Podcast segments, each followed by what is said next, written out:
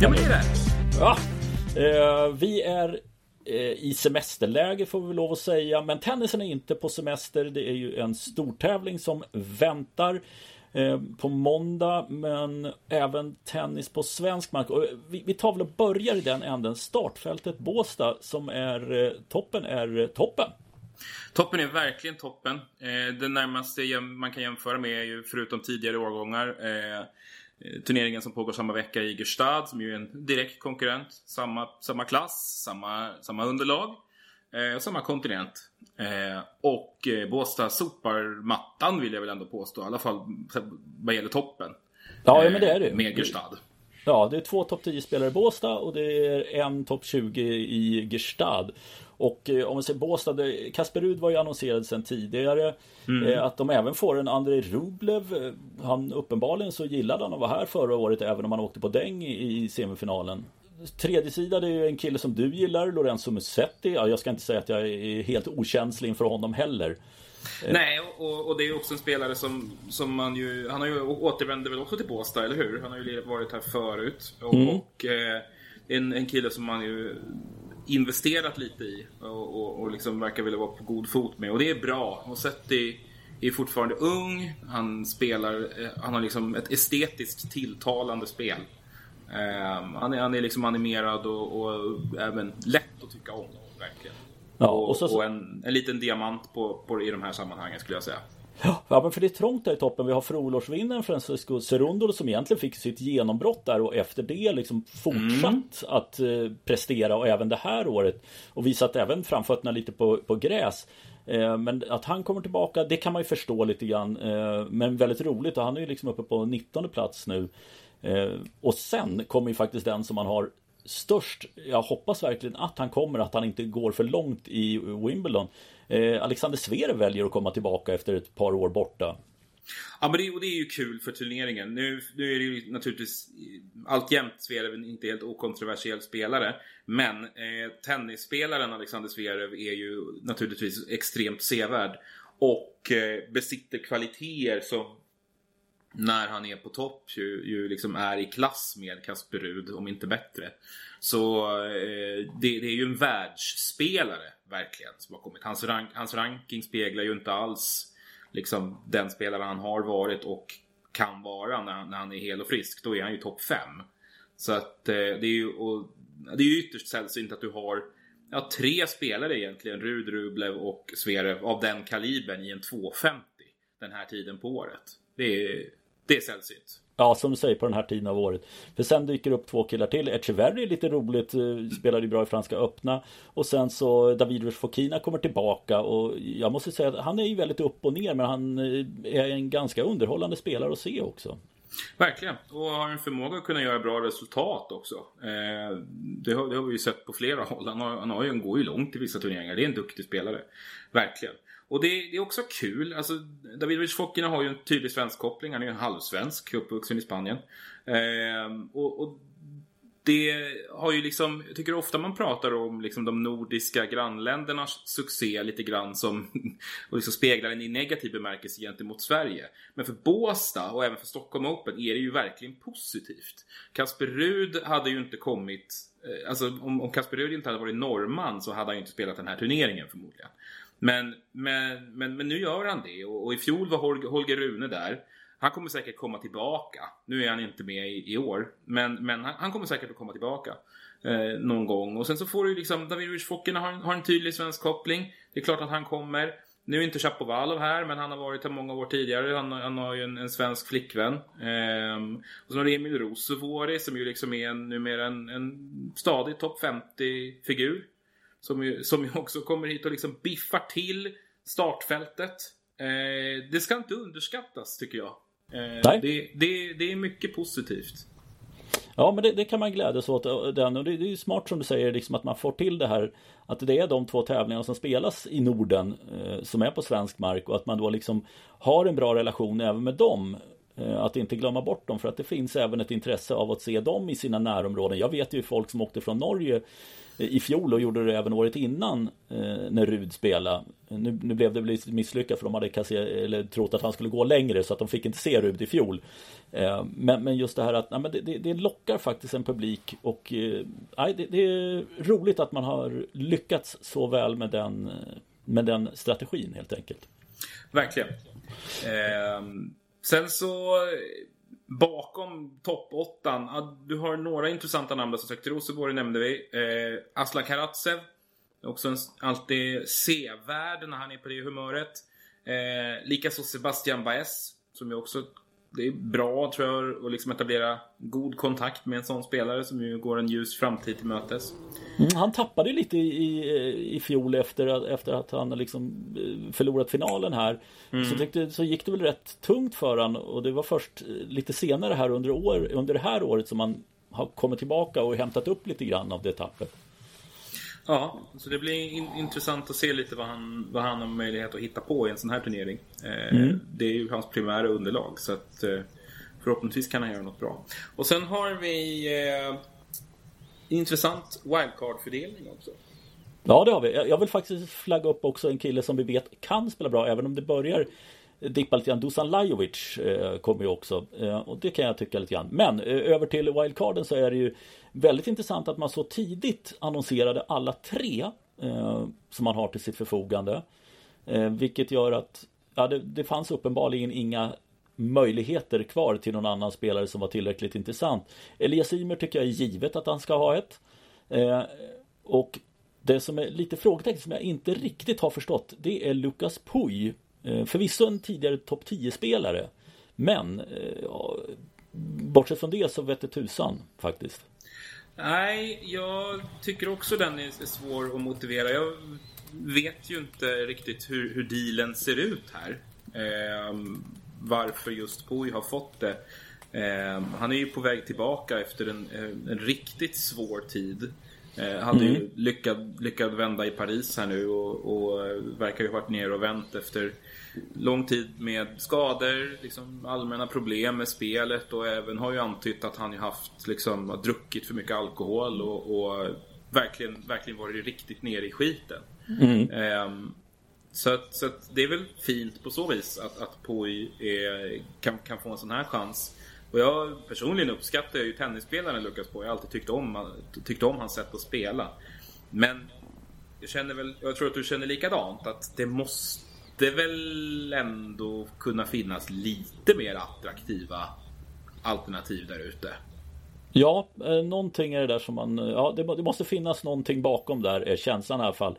Eh, visst, fint gjort. Eh, så att det är väl bra. Nu får vi se om han kommer för han avbröt ju faktiskt sin kvalfinal i Wimbledon. Eh, där han bara spelade ett set och sen drogs ur på grund av skada. Eh, så att, ja, det, ja. det återstår att se. Jag, håller inte för omöjligt att en sån som eh, eh, Fabio Fognini skulle kunna vara aktuell för ett wildcard i så fall. Han är ju inte anmäld till kvalet. Men, men står som eh, alternate just nu på huvudturneringen. Mm. Så att för hans del så är det nog att han, kommer han inte in i huvudturneringen då, då kommer han nog inte överhuvudtaget. Um, vilket det ju mycket väl kan vara så att han gör om, om det blir några, några återbud. Jag tror han är på åttonde reservplats eller något sånt där. Ja, för det är några som har dragit sig där. Ja, det är väl så va? Ja, precis. Eh, Nia står han just nu när vi spelar Nia in. Nia är han där. Ja, det, det, finns... Möjligheten finns att han kommer in ändå. Men rent... Vad, vad hade du valt? Om, om, om, om, du hade haft möjligheten att få in antingen Fabio Fognini eller Lucas Pui på ett wildcard? Eh, till en sån här turnering. Vem hade du plockat då? Ja, alltså Fognini är ju den som får fler rubriker kring sig. Nu har ju han förvisso varit här ett par gånger så att han är ju inte ny i det. Det är å andra sidan Lukas Puy. Men frågan är om det är så många utöver den närmsta tenniskretsen som kommer ihåg Lukas Puy. Eh, så att, ja, nej men nej, det hade nog lirat med, med Fognini faktiskt. Jag, jag tror också det. Alltså Puy är väl helt ärligt. Eh, jag brukar roa mig med att göra sådär när man får en stund över och inte vet vad jag ska göra så gör jag sån här Sporkle-quiz. ja, det är eh, klart. och då eh, till exempel, ja, men här är 10. Vilka slutade topp 10 på ATP-rankingen under, de här under den här tioårsperioden till exempel. Mm. Eh, och jag, jag, kan, jag kan ju säga att, att jag, jag, jag, tror inte jag lyckas pricka in Lukas Poi någon gång.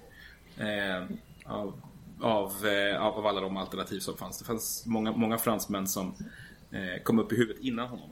Ja, ja men jag, jag, eh. jag håller med dig. Jag, jag fattar precis vad du menar. Jag spelar också Sporkel och min mitt liksom, spöke det är faktiskt en spanjor som heter Alex Correcha. Mm. Hyfsat känd. Och han, jag går bet på honom i var och varannat quiz. Och jag förstår inte varför jag gör det. Men ja, han har slutat i alla fall så han är inte Han har slutat. Expert på ja. Eurosport nu, eller hur? Ja, mm. så är det. Mm. vi tar det tredje wildcardet, det är Leo Borg. Det har ja. En, ja, man har ju en förståelse för det och snart borde han börja växa in i det här. Men han har ju fortfarande tufft på Challenger-nivå. Även om han numera vinner en hel del matcher på, på Future-nivå. Eh, ur ett kommersiellt perspektiv så har jag full förståelse för att man väljer Leo Borg. Mm. Eh, det blir ju en omedelbar hype kring honom var han än kommer. Han får ju wildcards lite, lite här och där. Eh, kastade på sig. Eh, men som du säger, han är ju inte, inte ens en, en regelbunden Challenger-spelare. Han är en bra Future-spelare numera. Mm. Eh, han har ju två titlar i bagaget sista året och sen ytterligare eh, två finaler. Mm. Så att han börjar bli bekväm på den nivån men hans resa har ju, har ju varit Alltså det, är ju, det är ju en relativt långsam klättring som han befinner sig i. Det går framåt. Eh, men, men han har mycket kvar. Det har han verkligen. Och som sagt, kommersiellt sett jag är fine med det här. Jag fattar att man gör det. Det, det, det är rimligt så tillvida att man kommer att sälja enstaka biljetter på, på att, att Leo Borg är där. För allmänheten, det finns en, liksom hos en tennisintresserad allmänhet så finns det en nyfikenhet kring honom. Man vill se honom spela. Det är inte konstigare än så. Men rent sportsligt så finns det en kille som är rankad drygt två, nästan 250 platser högre upp. Som har haft en, en enorm första halva på säsongen. Mm. Som ju är ett lämpligare alternativ rent sportsligt.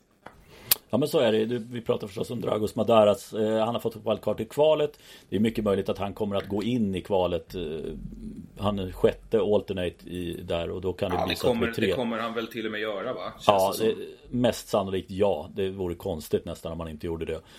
Eh, så att där, där, får vi väl se. Men, men som sagt kommersiellt fullt förståeligt.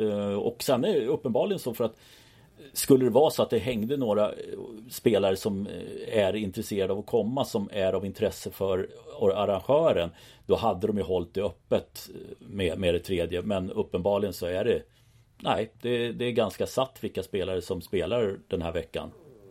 Uppenbarligen så är det ju så. Eh, Och vi ska ju inte heller glömma att vi har en Karl Friberg också Som är rankad mellan Madaras och Borg Som ju faktiskt också har uträttat mer, framförallt på Challenger-nivå, än vad Leo Borg har gjort. Han har ändå, ändå kvalat in till lite turneringar och vunnit någon match här och där. Eh, slagit en handfull bra spelare och liksom har ett bättre future-facit än, än vad Leo har också. Eh, men som jag förstår det så ligger väl han väldigt bra till för att få ett wildcard till kvalet. Jag tror han har fått wildcard till kvalet. Han har till och med fått ja. det kanske, ja. Eh, och det är ju naturligtvis fullt rimligt. Det, det, det ska han ju ha. Mm. Ehm, och där har han ju faktiskt också möjligheter att kanske vinna någon match med, med en eh, publik i ryggen. Så är det. Eh, ja men kul Båstad. Eh, om vi tittar bara blickar över till Gestad så de eh, sätter Roger Aliasim som första. Sen är det Struff. Han var ju skadad. Nu drog sig Wimbledon. Bautista Gut, Chapovalov, Lehetska, Sonego, Kecmanovic och, eller Kecmanovic och Hanfman är de åtta sidade spelarna. Ja, det är inte så mycket att snacka om. Däremot så noterar vi där och det går väl inte att undgå att se att Mikael Ymer spelar i Gerstad. Ja, det är ju, det är ju tråkigt att det, att det ska vara på det viset och att eh, de flesta rubrikerna har ju inte handlat om att en, en spelare som Kasper Ruud till exempel, eh, franska öppna finalist, eh, trefaldig Grand Slam-finalist kommer till, till Båstad. Utan det är återigen situationen med Mikael Ymer. Som ju eh, vållar störst uppmärksamhet. Ja men det gör det och jag, jag tycker jag, jag, jag, blir, jag blir lite ledsen faktiskt av det. det. Och nu liksom i grunden så här. Vi vet inte hela. Det är aldrig ens fel att två träter och så vidare och så vidare. Men att vilja få ut ett sånt citat som han får ut.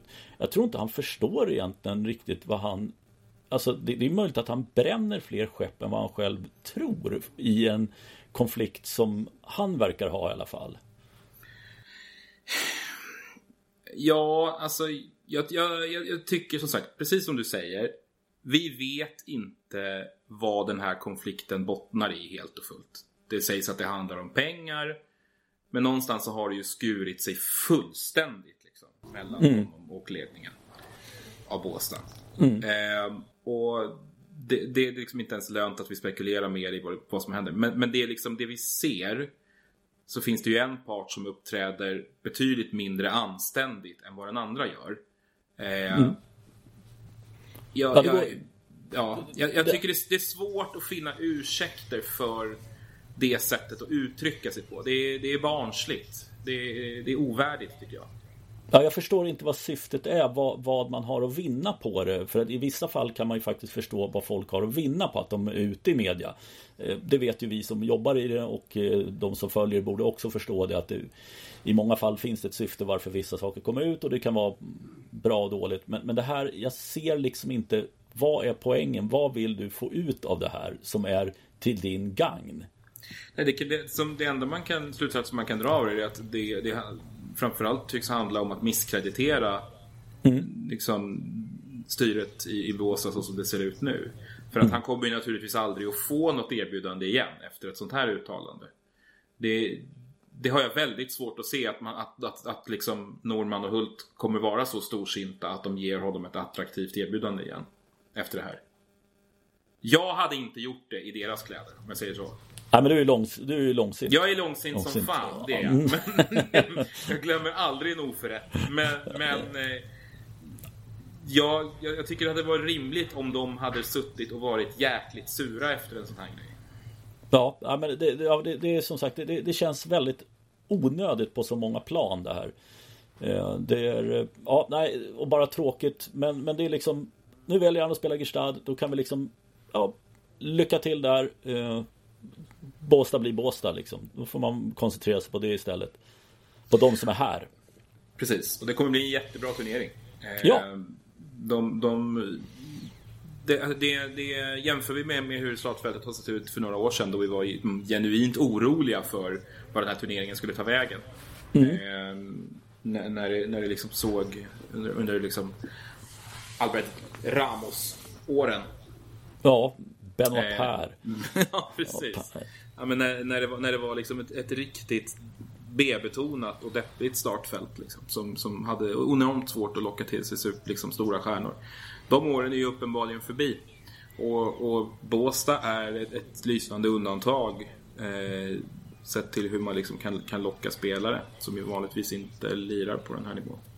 Eh, Nej. Det, det, det, har, det har vänts väldigt snabbt till någonting mycket, mycket positivt. Ja, ja men det är roligt. Eh, nu tycker jag att vi, vi går in på the main attraction. Ja! Nu ska vi tippa Wimbledon.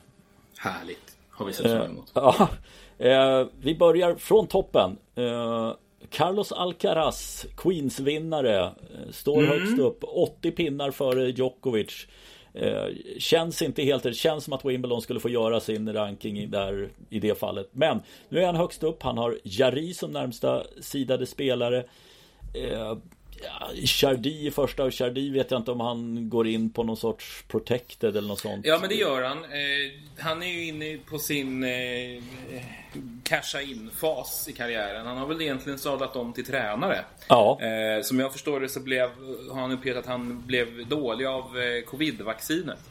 Eh, det är i alla fall mm. vad han säger. Och ja. Eh, sen dess så har han eh, gått in på Protected eh, i de turneringar som betalar honom bäst för att förlora i en första runda.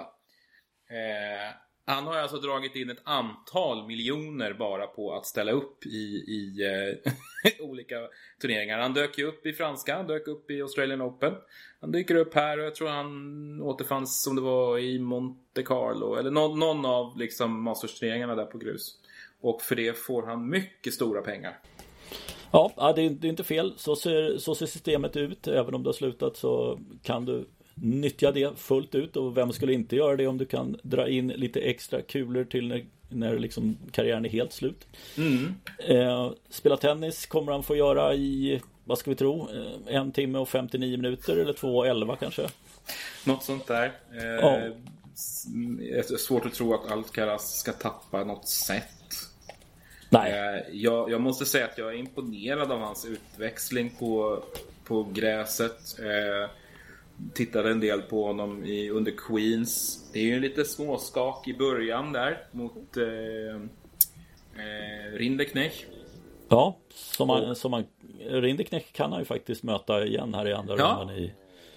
Och det kan vi väl säga, det, det tror jag han gör. Eh, ja. Men, och det kanske finns ett litet revanschdriv där. För Rinderknech var faktiskt riktigt nära att trycka till honom där i, i, i Queens häromveckan. Um, men, men sättet som han liksom växer under den turneringen och, ja. gör sig bekväm på underlaget. Det var, en, det var en häftig utveckling tycker jag.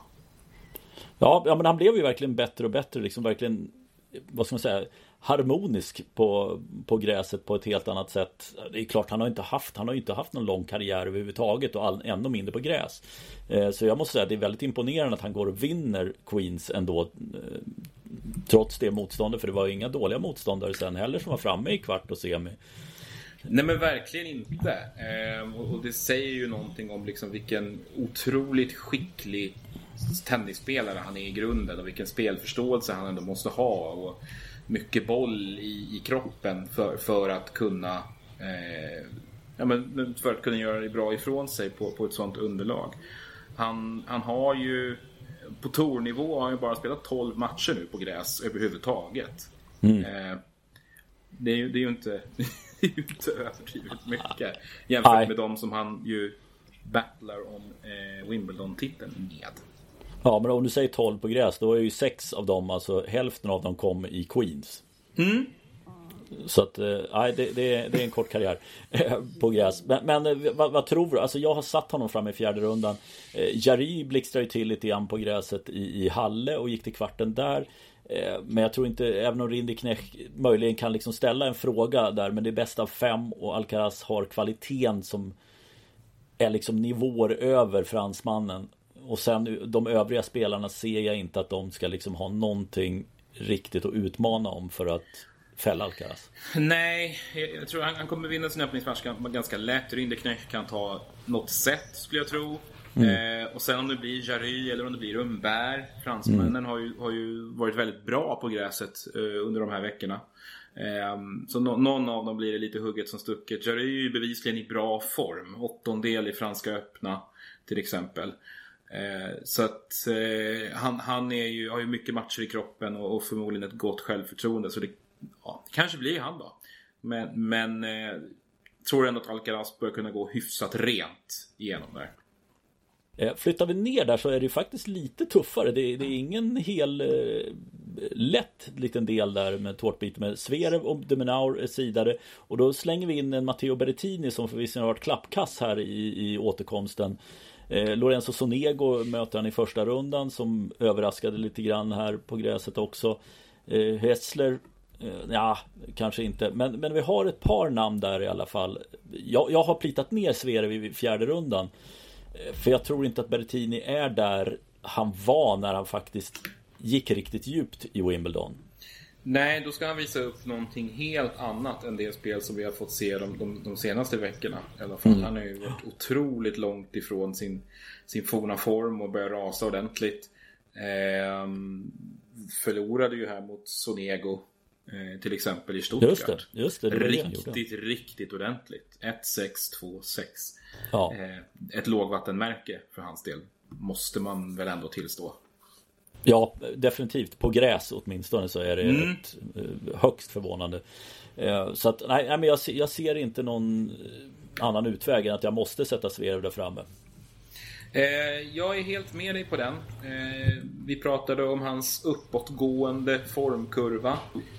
Den är kanske inte superbrant men, men det rör på sig i någorlunda rätt riktning. Semifinal i Franska öppna semifinal i Halle mot, mot eh, Bublik som är otroligt finurlig på det här underlaget. Eh, så det är absolut inget att skämmas för. Så att, eh, jag, jag tror också på, på, på Zverev där framme. Mm. Tiafoe och Dimitrov nästa sidade spelare där. Vi har en Popperin som kanske skulle kunna ställa till något.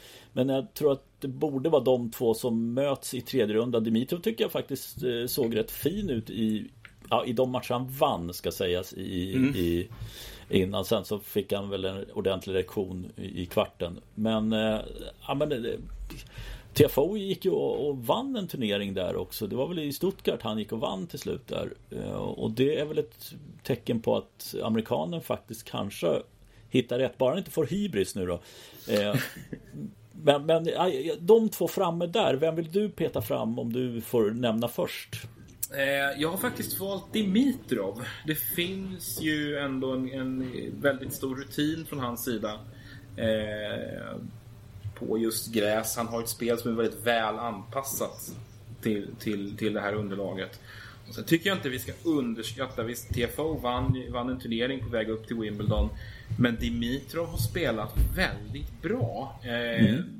Precis som du säger, bortsett kanske från torsken där mot eh, Zverev i eh, eh Franska öppna. Han har vunnit mycket matcher på slutet. Eh, final i, i Genève Eh, åttondel då i Paris och, och, en kvartsfinal i Queens där han ju gör en, en helt okej okay match mot Alcaraz som ju slutligen mm. vinner alltihop. Eh, så att eh, ja, för mig lutar det lite åt, åt Dimitrov faktiskt. Då säger jag TFO. Bra, då tycker vi olika. Ja, och, eh, Davidovic Fokina och Holger Rune. Eh, I nästa Rune har Löf Hagen från Storbritannien. Om jag inte missminner mm. mig så var det Magnus Tideman tror jag tränade honom en kort sväng för ett antal Jaha. år sedan. Ja. Eh, men det, det, var lång tid tillbaka. Nu har han fått ett wildcard här. Det kan jag inte se att det är något större problem för Rune. Jag kan inte se att det är något problem för Rune egentligen. På det här underlaget så ser jag ändå nu, han är ju ung också, men min känsla är att Rune har hyfsad kontroll och bra självförtroende på det här underlaget också. Och att men, han kommer gå till en fjärde runda. Jag tror inte David Fokina kan slå honom. Nej, det, det tror inte jag heller. Eh, både David Fokina och, och Rune är väl i första hand eh, gillar att, spela på andra underlag än det här. Mm. Eh, men där är ju Rune i grunden en, en, en spelare med en, en lite, lite djupare verktygslåda. Eh, som har li, lite mer att hämta och, och, och liksom han är i grund och botten en, en bättre tennisspelare. Sen tror jag också han, han befinner sig i någon slags inlärningsprocess på det här underlaget. Eh, det finns ju också ett hot i en sån som Botik van de Sandskulp. Ja, men han har varit rätt dålig är min känsla här på, på senare. Det stämmer ju. Eh, men jag, jag, vill, jag vill ändå inte, in, inte räkna bort honom. Eh, visserligen har han, ju, har han ju tappat jättemycket eh, gentemot i fjol. Eh, och förlorat en väldig massa matcher i rad. Bland annat mot Micke Ymer här i Eastburn. Men, men eh, jag vet inte, jag, jag vill liksom inte helt bara liksom plocka bort honom ur, ur ekvationen. Eh, det, det, skulle kunna vara så att, att, han, att han blixtrar till. Eh, men mitt val är ändå Rune.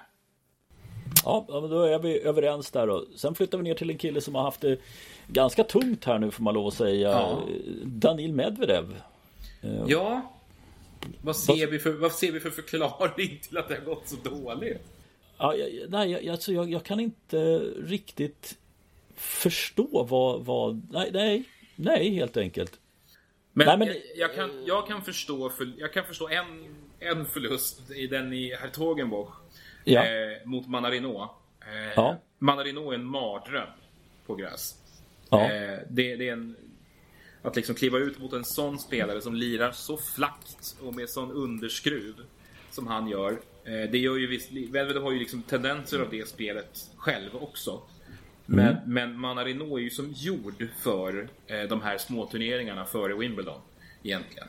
Ja. Det, det, det, är liksom hans bread and butter. Det är där han, där han liksom, det är en, en av de viktigaste delarna på hela kalendern för honom. Och han har varit bra de här veckorna.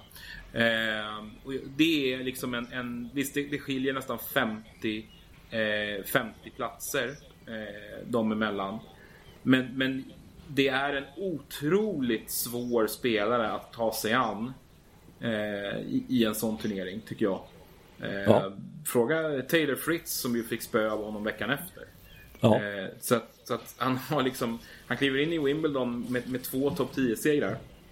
Ja, eh, och nu, kan, ja, och nu kan han slå Medvedev i en andra runda igen då om, om han eh, klarar sig förbi den första rundan. Alltså jag håller ja. inte för helt osannolikt att han lyckas med det. Eh, Nej, men... jag, jag, jag, tänker inte plocka, plocka fram honom så långt. Men, men jag tror att det kan bli en riktig jäkla rysare. Ja, men jag håller med i det fallet. Och framförallt då när man såg hur han, hur han förlorade mot Seibot Wild i Franska öppna. Nu var brasilianaren på sin absoluta peak och var totalt i zonen under hela matchen i stort sett. Det är ju svårt att se att Manarino ska vara det. Men alltså, han kommer kunna skaka om honom. Han tar ju ett set oavsett nästan eh, hur matchen utvecklas. Eh, men att han, eh, ja, nej, nej, jag måste nästan säga att Medvedev går till en fjärde runda med en varningsflagg för Manarino. Eh, Greekspor som är den andra sidan spelaren. Nej, jag tror inte det. Fuxovic eh, nej, det är ingen av dem liksom kan i en tredje runda rubba Medvedev när han har tagit sig dit. Då, då tror jag att liksom, då ska det till en bättre motståndare för att han ska förlora. Men han är ju en av liksom toppspelarna som, som har den absolut tuffaste inledningen. Alltså, mm. Mandarino vill man som sagt absolut inte ha. Och Grikspår är ändå en av de som har gjort absolut bäst ifrån sig i, i turneringarna inför. Mm. Seger i Hertogenbosch och sen eh, en kvartsfinal i, i Halle där han gick mot Rublev i en ganska tuff tresetare.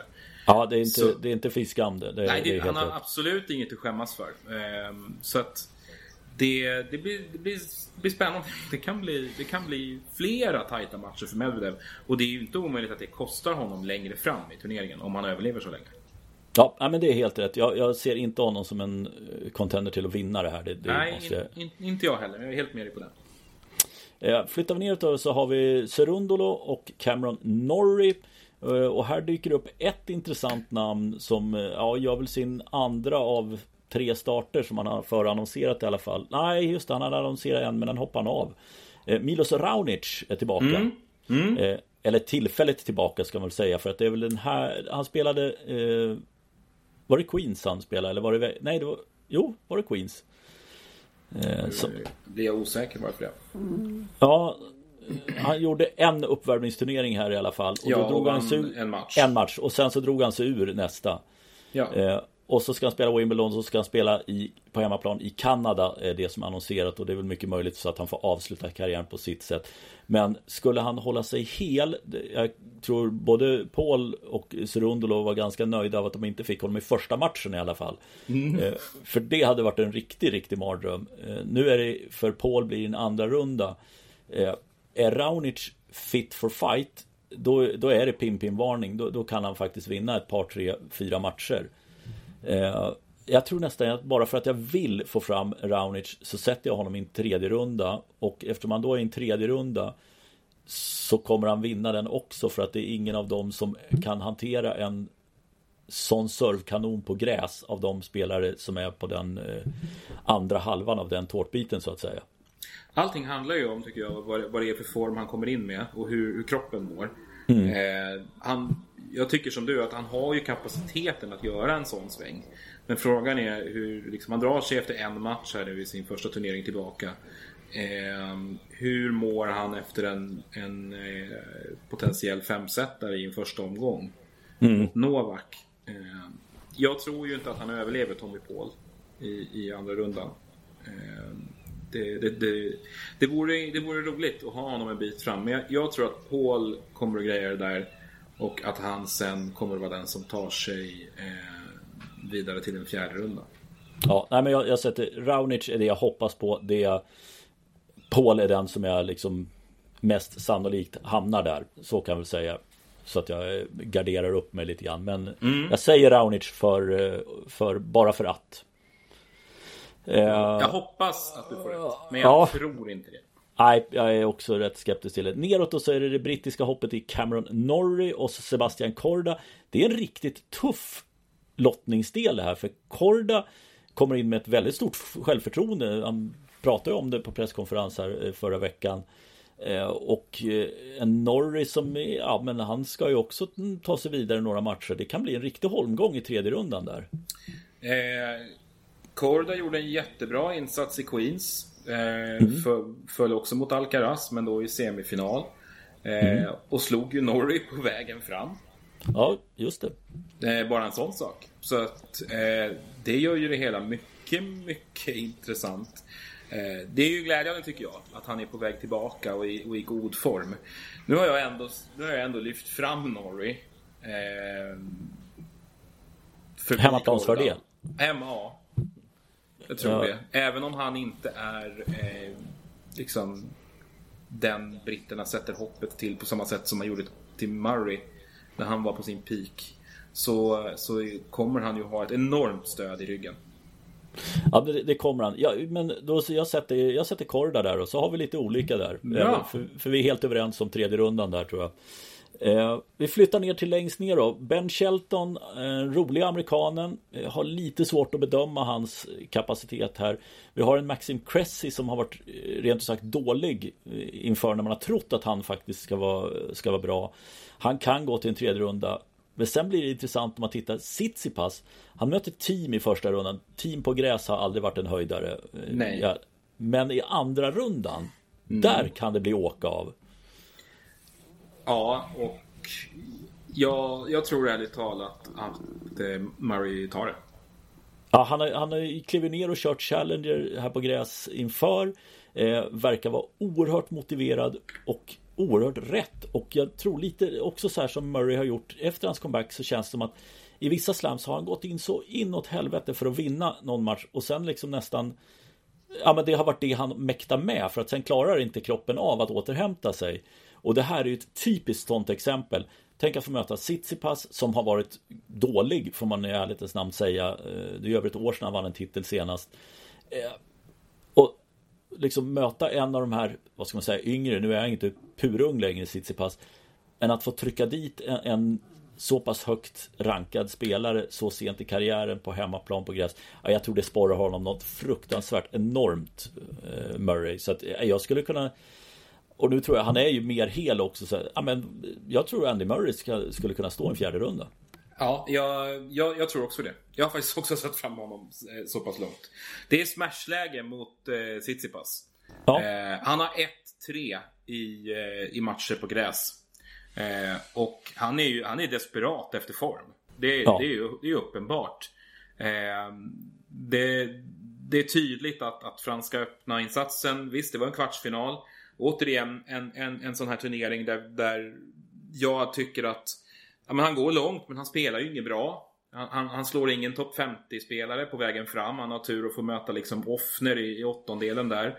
Mm. Eh, sen torskar han mot Gasquet som ju är lurig på, på gräs, absolut. Och har ett spel som passar fint där och, och liksom är tidigare Wimbledon-semifinalist och är rutinerad.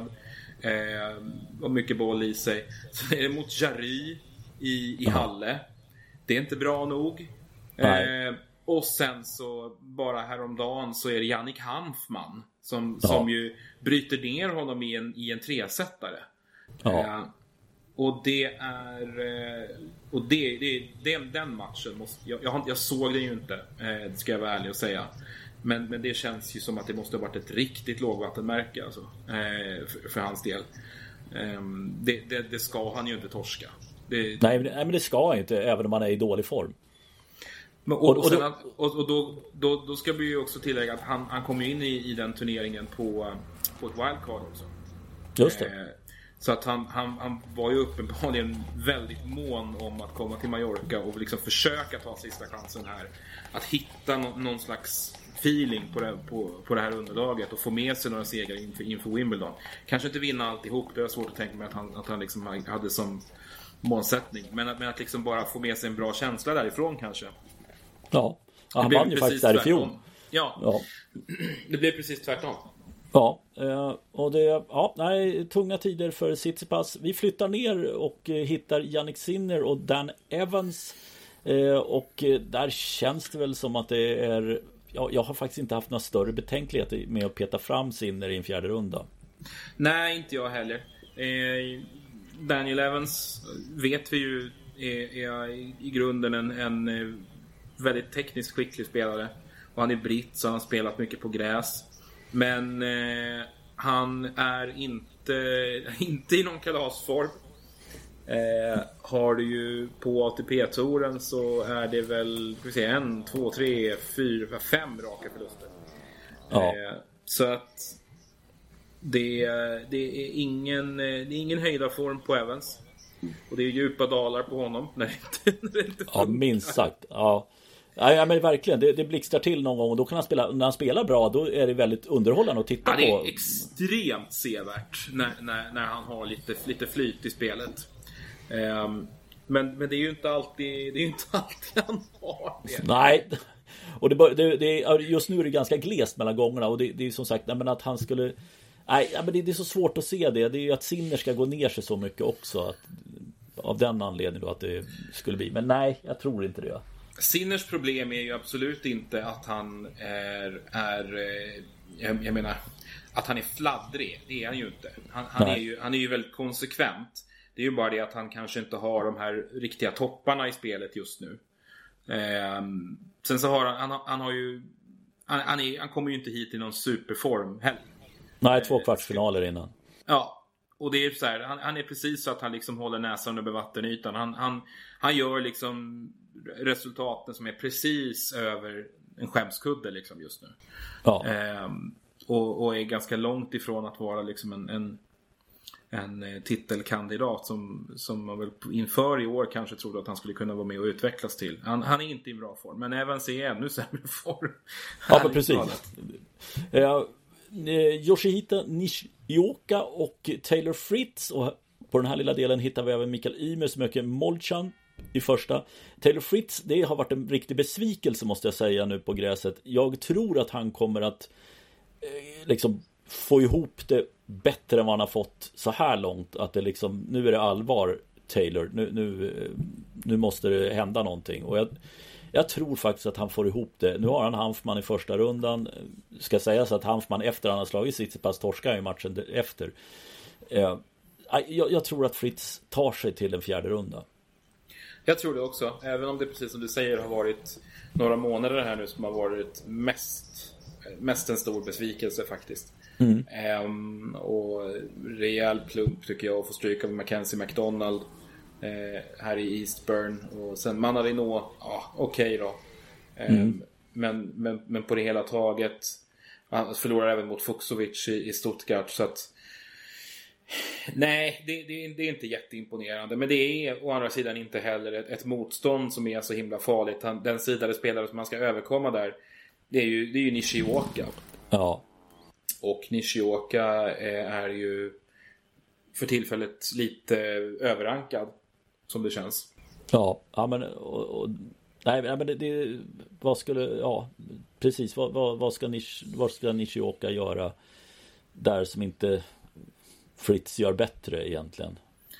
Ja, nej, nej, jag vet inte det heller. Hålla i bollen lite mer kanske. Ja, men, han, men, men det, det, är svårt. Eh, och det ska sägas att han, han har ju valt att inte spela någonting här inför Wimbledon heller. Mm.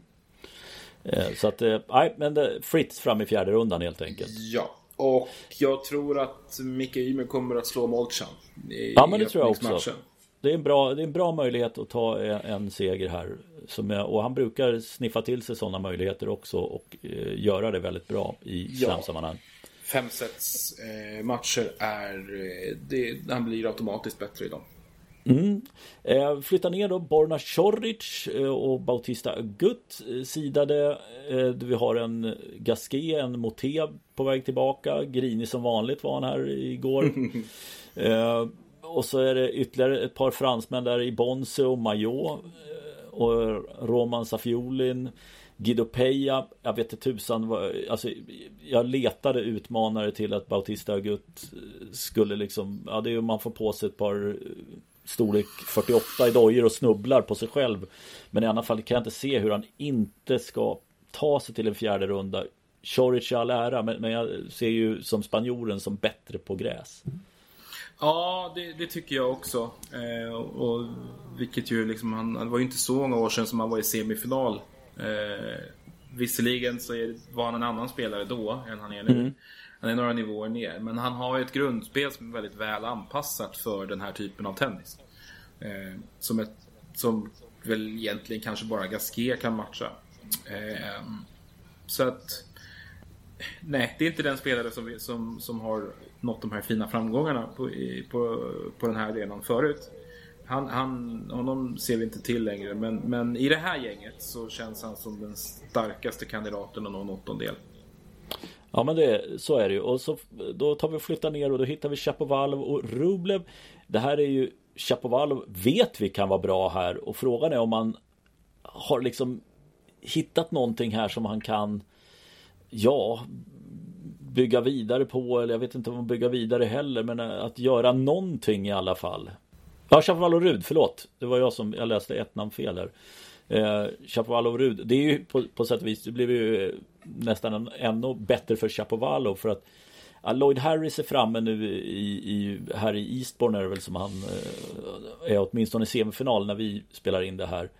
Eh, eller på Mallorca ska jag säga. Eh, men, ja, men Chapovalov är ju bättre än de här spelarna och Rud han var ju som Bambi på hal is när han var i Wimbledon i fjol. Alltså jag, jag sätter fram Chapovalov i en fjärde runda för att jag, han är den bästa grässpelarna av av de som är de åtta som finns där på den lilla lottningsdelen. Någonting har han ju börjat hitta rätt, Chapovalov, efter sin eh, extremt svaga start på säsongen. Mm. Tycker man såg tendenser lite grann i, i Paris. Um, och sen så är det liksom en, en inte helt oskämmig seg förlust mot, eh, eh, mot Sverev Just det. I, i Halle. Så att ja. Å andra sidan så visst, det här är verkligen inte Ruds rätta element. Nej. Um, men men det är också spelare som är van att vinna väldigt mycket matcher. Som spelar med enormt tålamod. Bara för att säga emot och för att vi ska tycka lite olika då. Så säger jag Rud. ja men det är härligt. Bra. Bra Henrik. Eh, nu kommer vi i alla fall till Andrei Rublev. ja. Eh, och på den andra sidan spelaren. Ja välkommen tillbaka säger vi till Nick Kyrgios. Eh, det är ju kul. Eh, att han hittar tillbaka men jag undrar i vilken form. Det känns inte som han är i någon finalform, Nick Kyrgios, eh, nu. Nej, han har ju dragit sig från turneringar på löpande band inför, inför den här. Eh, så han har ju noll uppvärmning egentligen. Eh, och lång skadefrånvaro. Eh, mycket utspel på Twitter. Eh, han skulle kunna försvinna redan i första rundan ja. Mot Goffin. Eh, ja, tror ändå att om han dyker upp och är någorlunda frisk så tror jag ändå han slår Goffin. Eh, och jag tror också att han tar Baez i, mm. i näst, nästa omgång.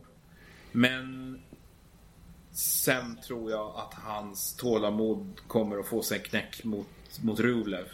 Ja, hade, hade det varit för alltså en Goffin när man, när man ser Goffin när han var bra och liksom nästan inte den mest spektakulära spelaren, ganska tråkig men gjorde det väldigt bra. Då hade jag också kunnat säga men, men eh, är Kyrgios någorlunda hel så tar han sig till en tredje runda.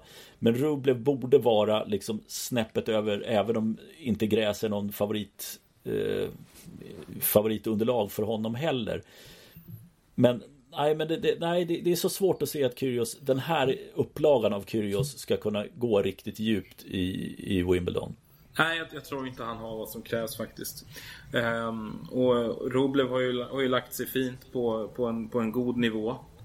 Ehm, sen ganska lång tid tillbaka nu. Ehm, sen mitten på gruvsäsongen. Han känns harmonisk.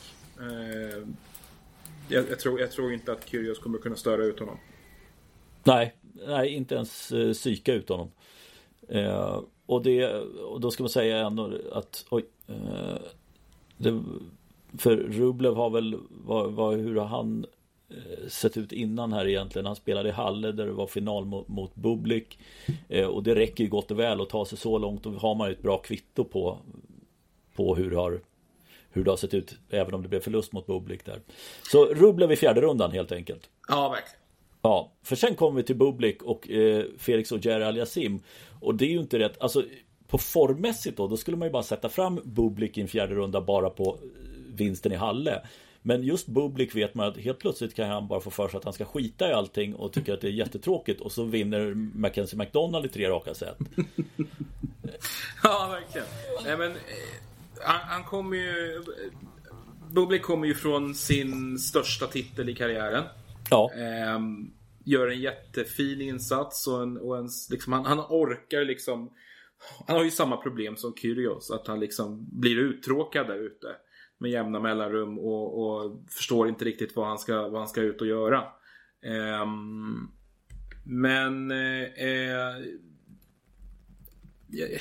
det fanns, jag tycker att man liksom såg vissa mognadstendenser ändå eh, under, under eh, halvveckan. Bara, bara det faktum att han orkar hålla i hela vägen eh, är ju faktiskt ganska imponerande. Ehm, så att han kommer nog in med ett betydligt mer positivt mindset än vad hans potentiella motståndare där i omgång tre gör. Och Cher Aliasim har ju dragit sig ur allting efter Franska öppna. Han har varit på semester. Mm. Han eh, gjorde en riktigt slät figur i Paris. Han drog sig ur i, i Lyon. Han åkte ut i första rundan i Rom eh, första rundan i Madrid. Han har enorma problem just nu. Han kommer att, han kommer att rasa ur topp 20 eh, om inom en inte alltför snar framtid om det fortsätter på det här sättet. Så han har, han har massiv press på sig att göra någonting bra här nu. Och eh, fram till mötet med Bublik så har han väl eh, ganska, en, ganska goda möjligheter att göra det. Krajinovic i all ja, inte ära. Var, ja, är ju inte vad han en gång var. Eh, och varken Marter eller Gojo eh, bör ju ha någonting att sätta emot en någorlunda frisk Ogier Aliasim.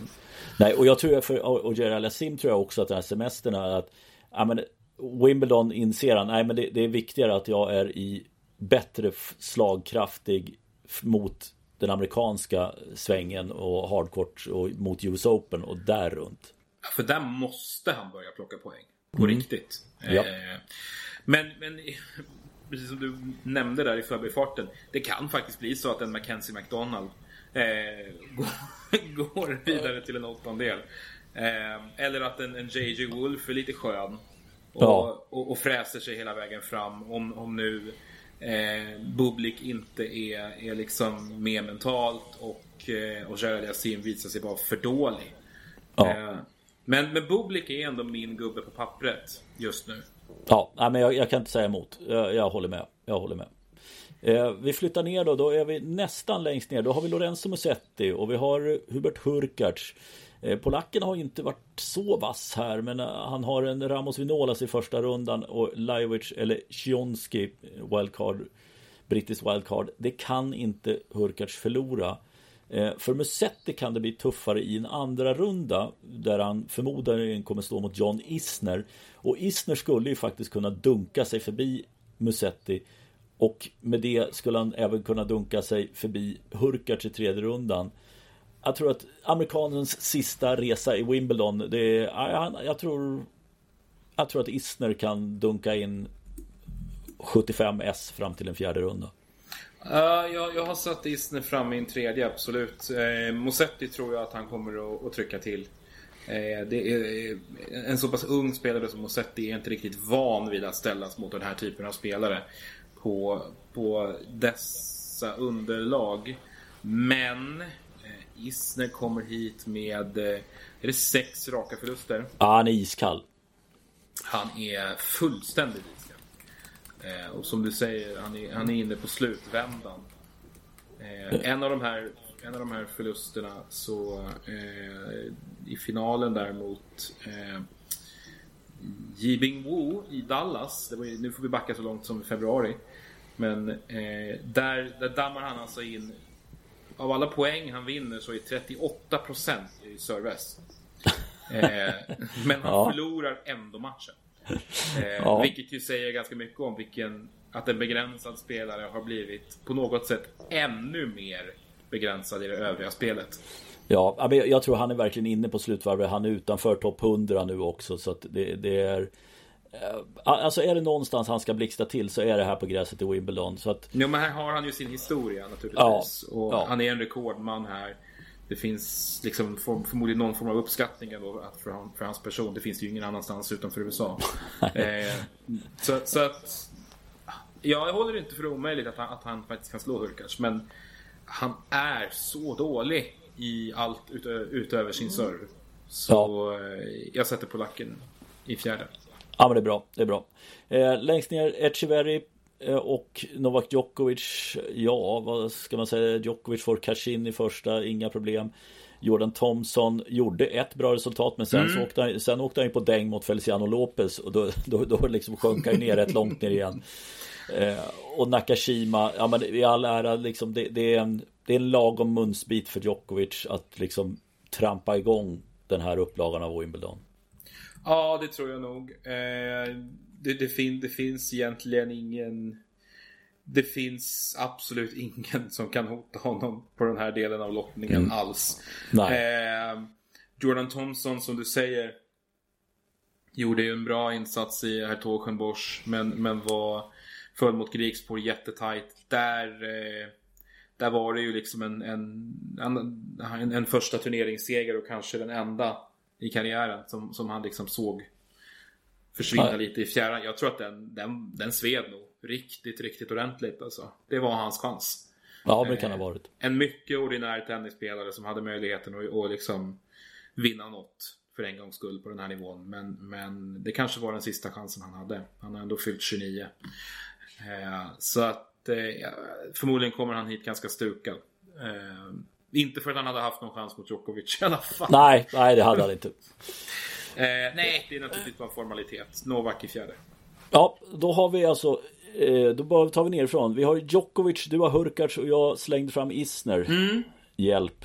Eh, Bublik och Rublev var vi väl överens om där. Jajamensan. Sen var det olika. Jag hade Chapovalov och du slängde fram Rud och vi hade Bautista Agut som motståndare i fjärde rundan där. Mm. Och sen så var det väl Fritz hade vi och Sinner. Yes. Inga konstigheter. Övre halvan, där slängde vi fram Andy Murray båda två. Uh, och du hade Norrie och jag hade Korda. Mm. Och sen var det, du hade Paul, jag önskade Milos Raonic och Danil Medvedev. Yes. Och uppåt där då så blev det väl Holger Rune och jag hade TFO och du hade Dimitrov. Mm. Och längst upp Alcaraz Zverev i en fjärde runda. Yes. Så lite skiljer vi oss åt i alla fall. Ja men vi gjorde det. Får se var det här landar. Eh, kul ska det bli i alla fall. Det ska det verkligen bli. Nu sätter ja. vi punkt för en god timme tennissnack. Ja men det gör vi. Och så hörs vi igen om en vecka när vi halvtidssummerar det här. Det låter alldeles utmärkt det. Tack för idag Henrik. Tack själv.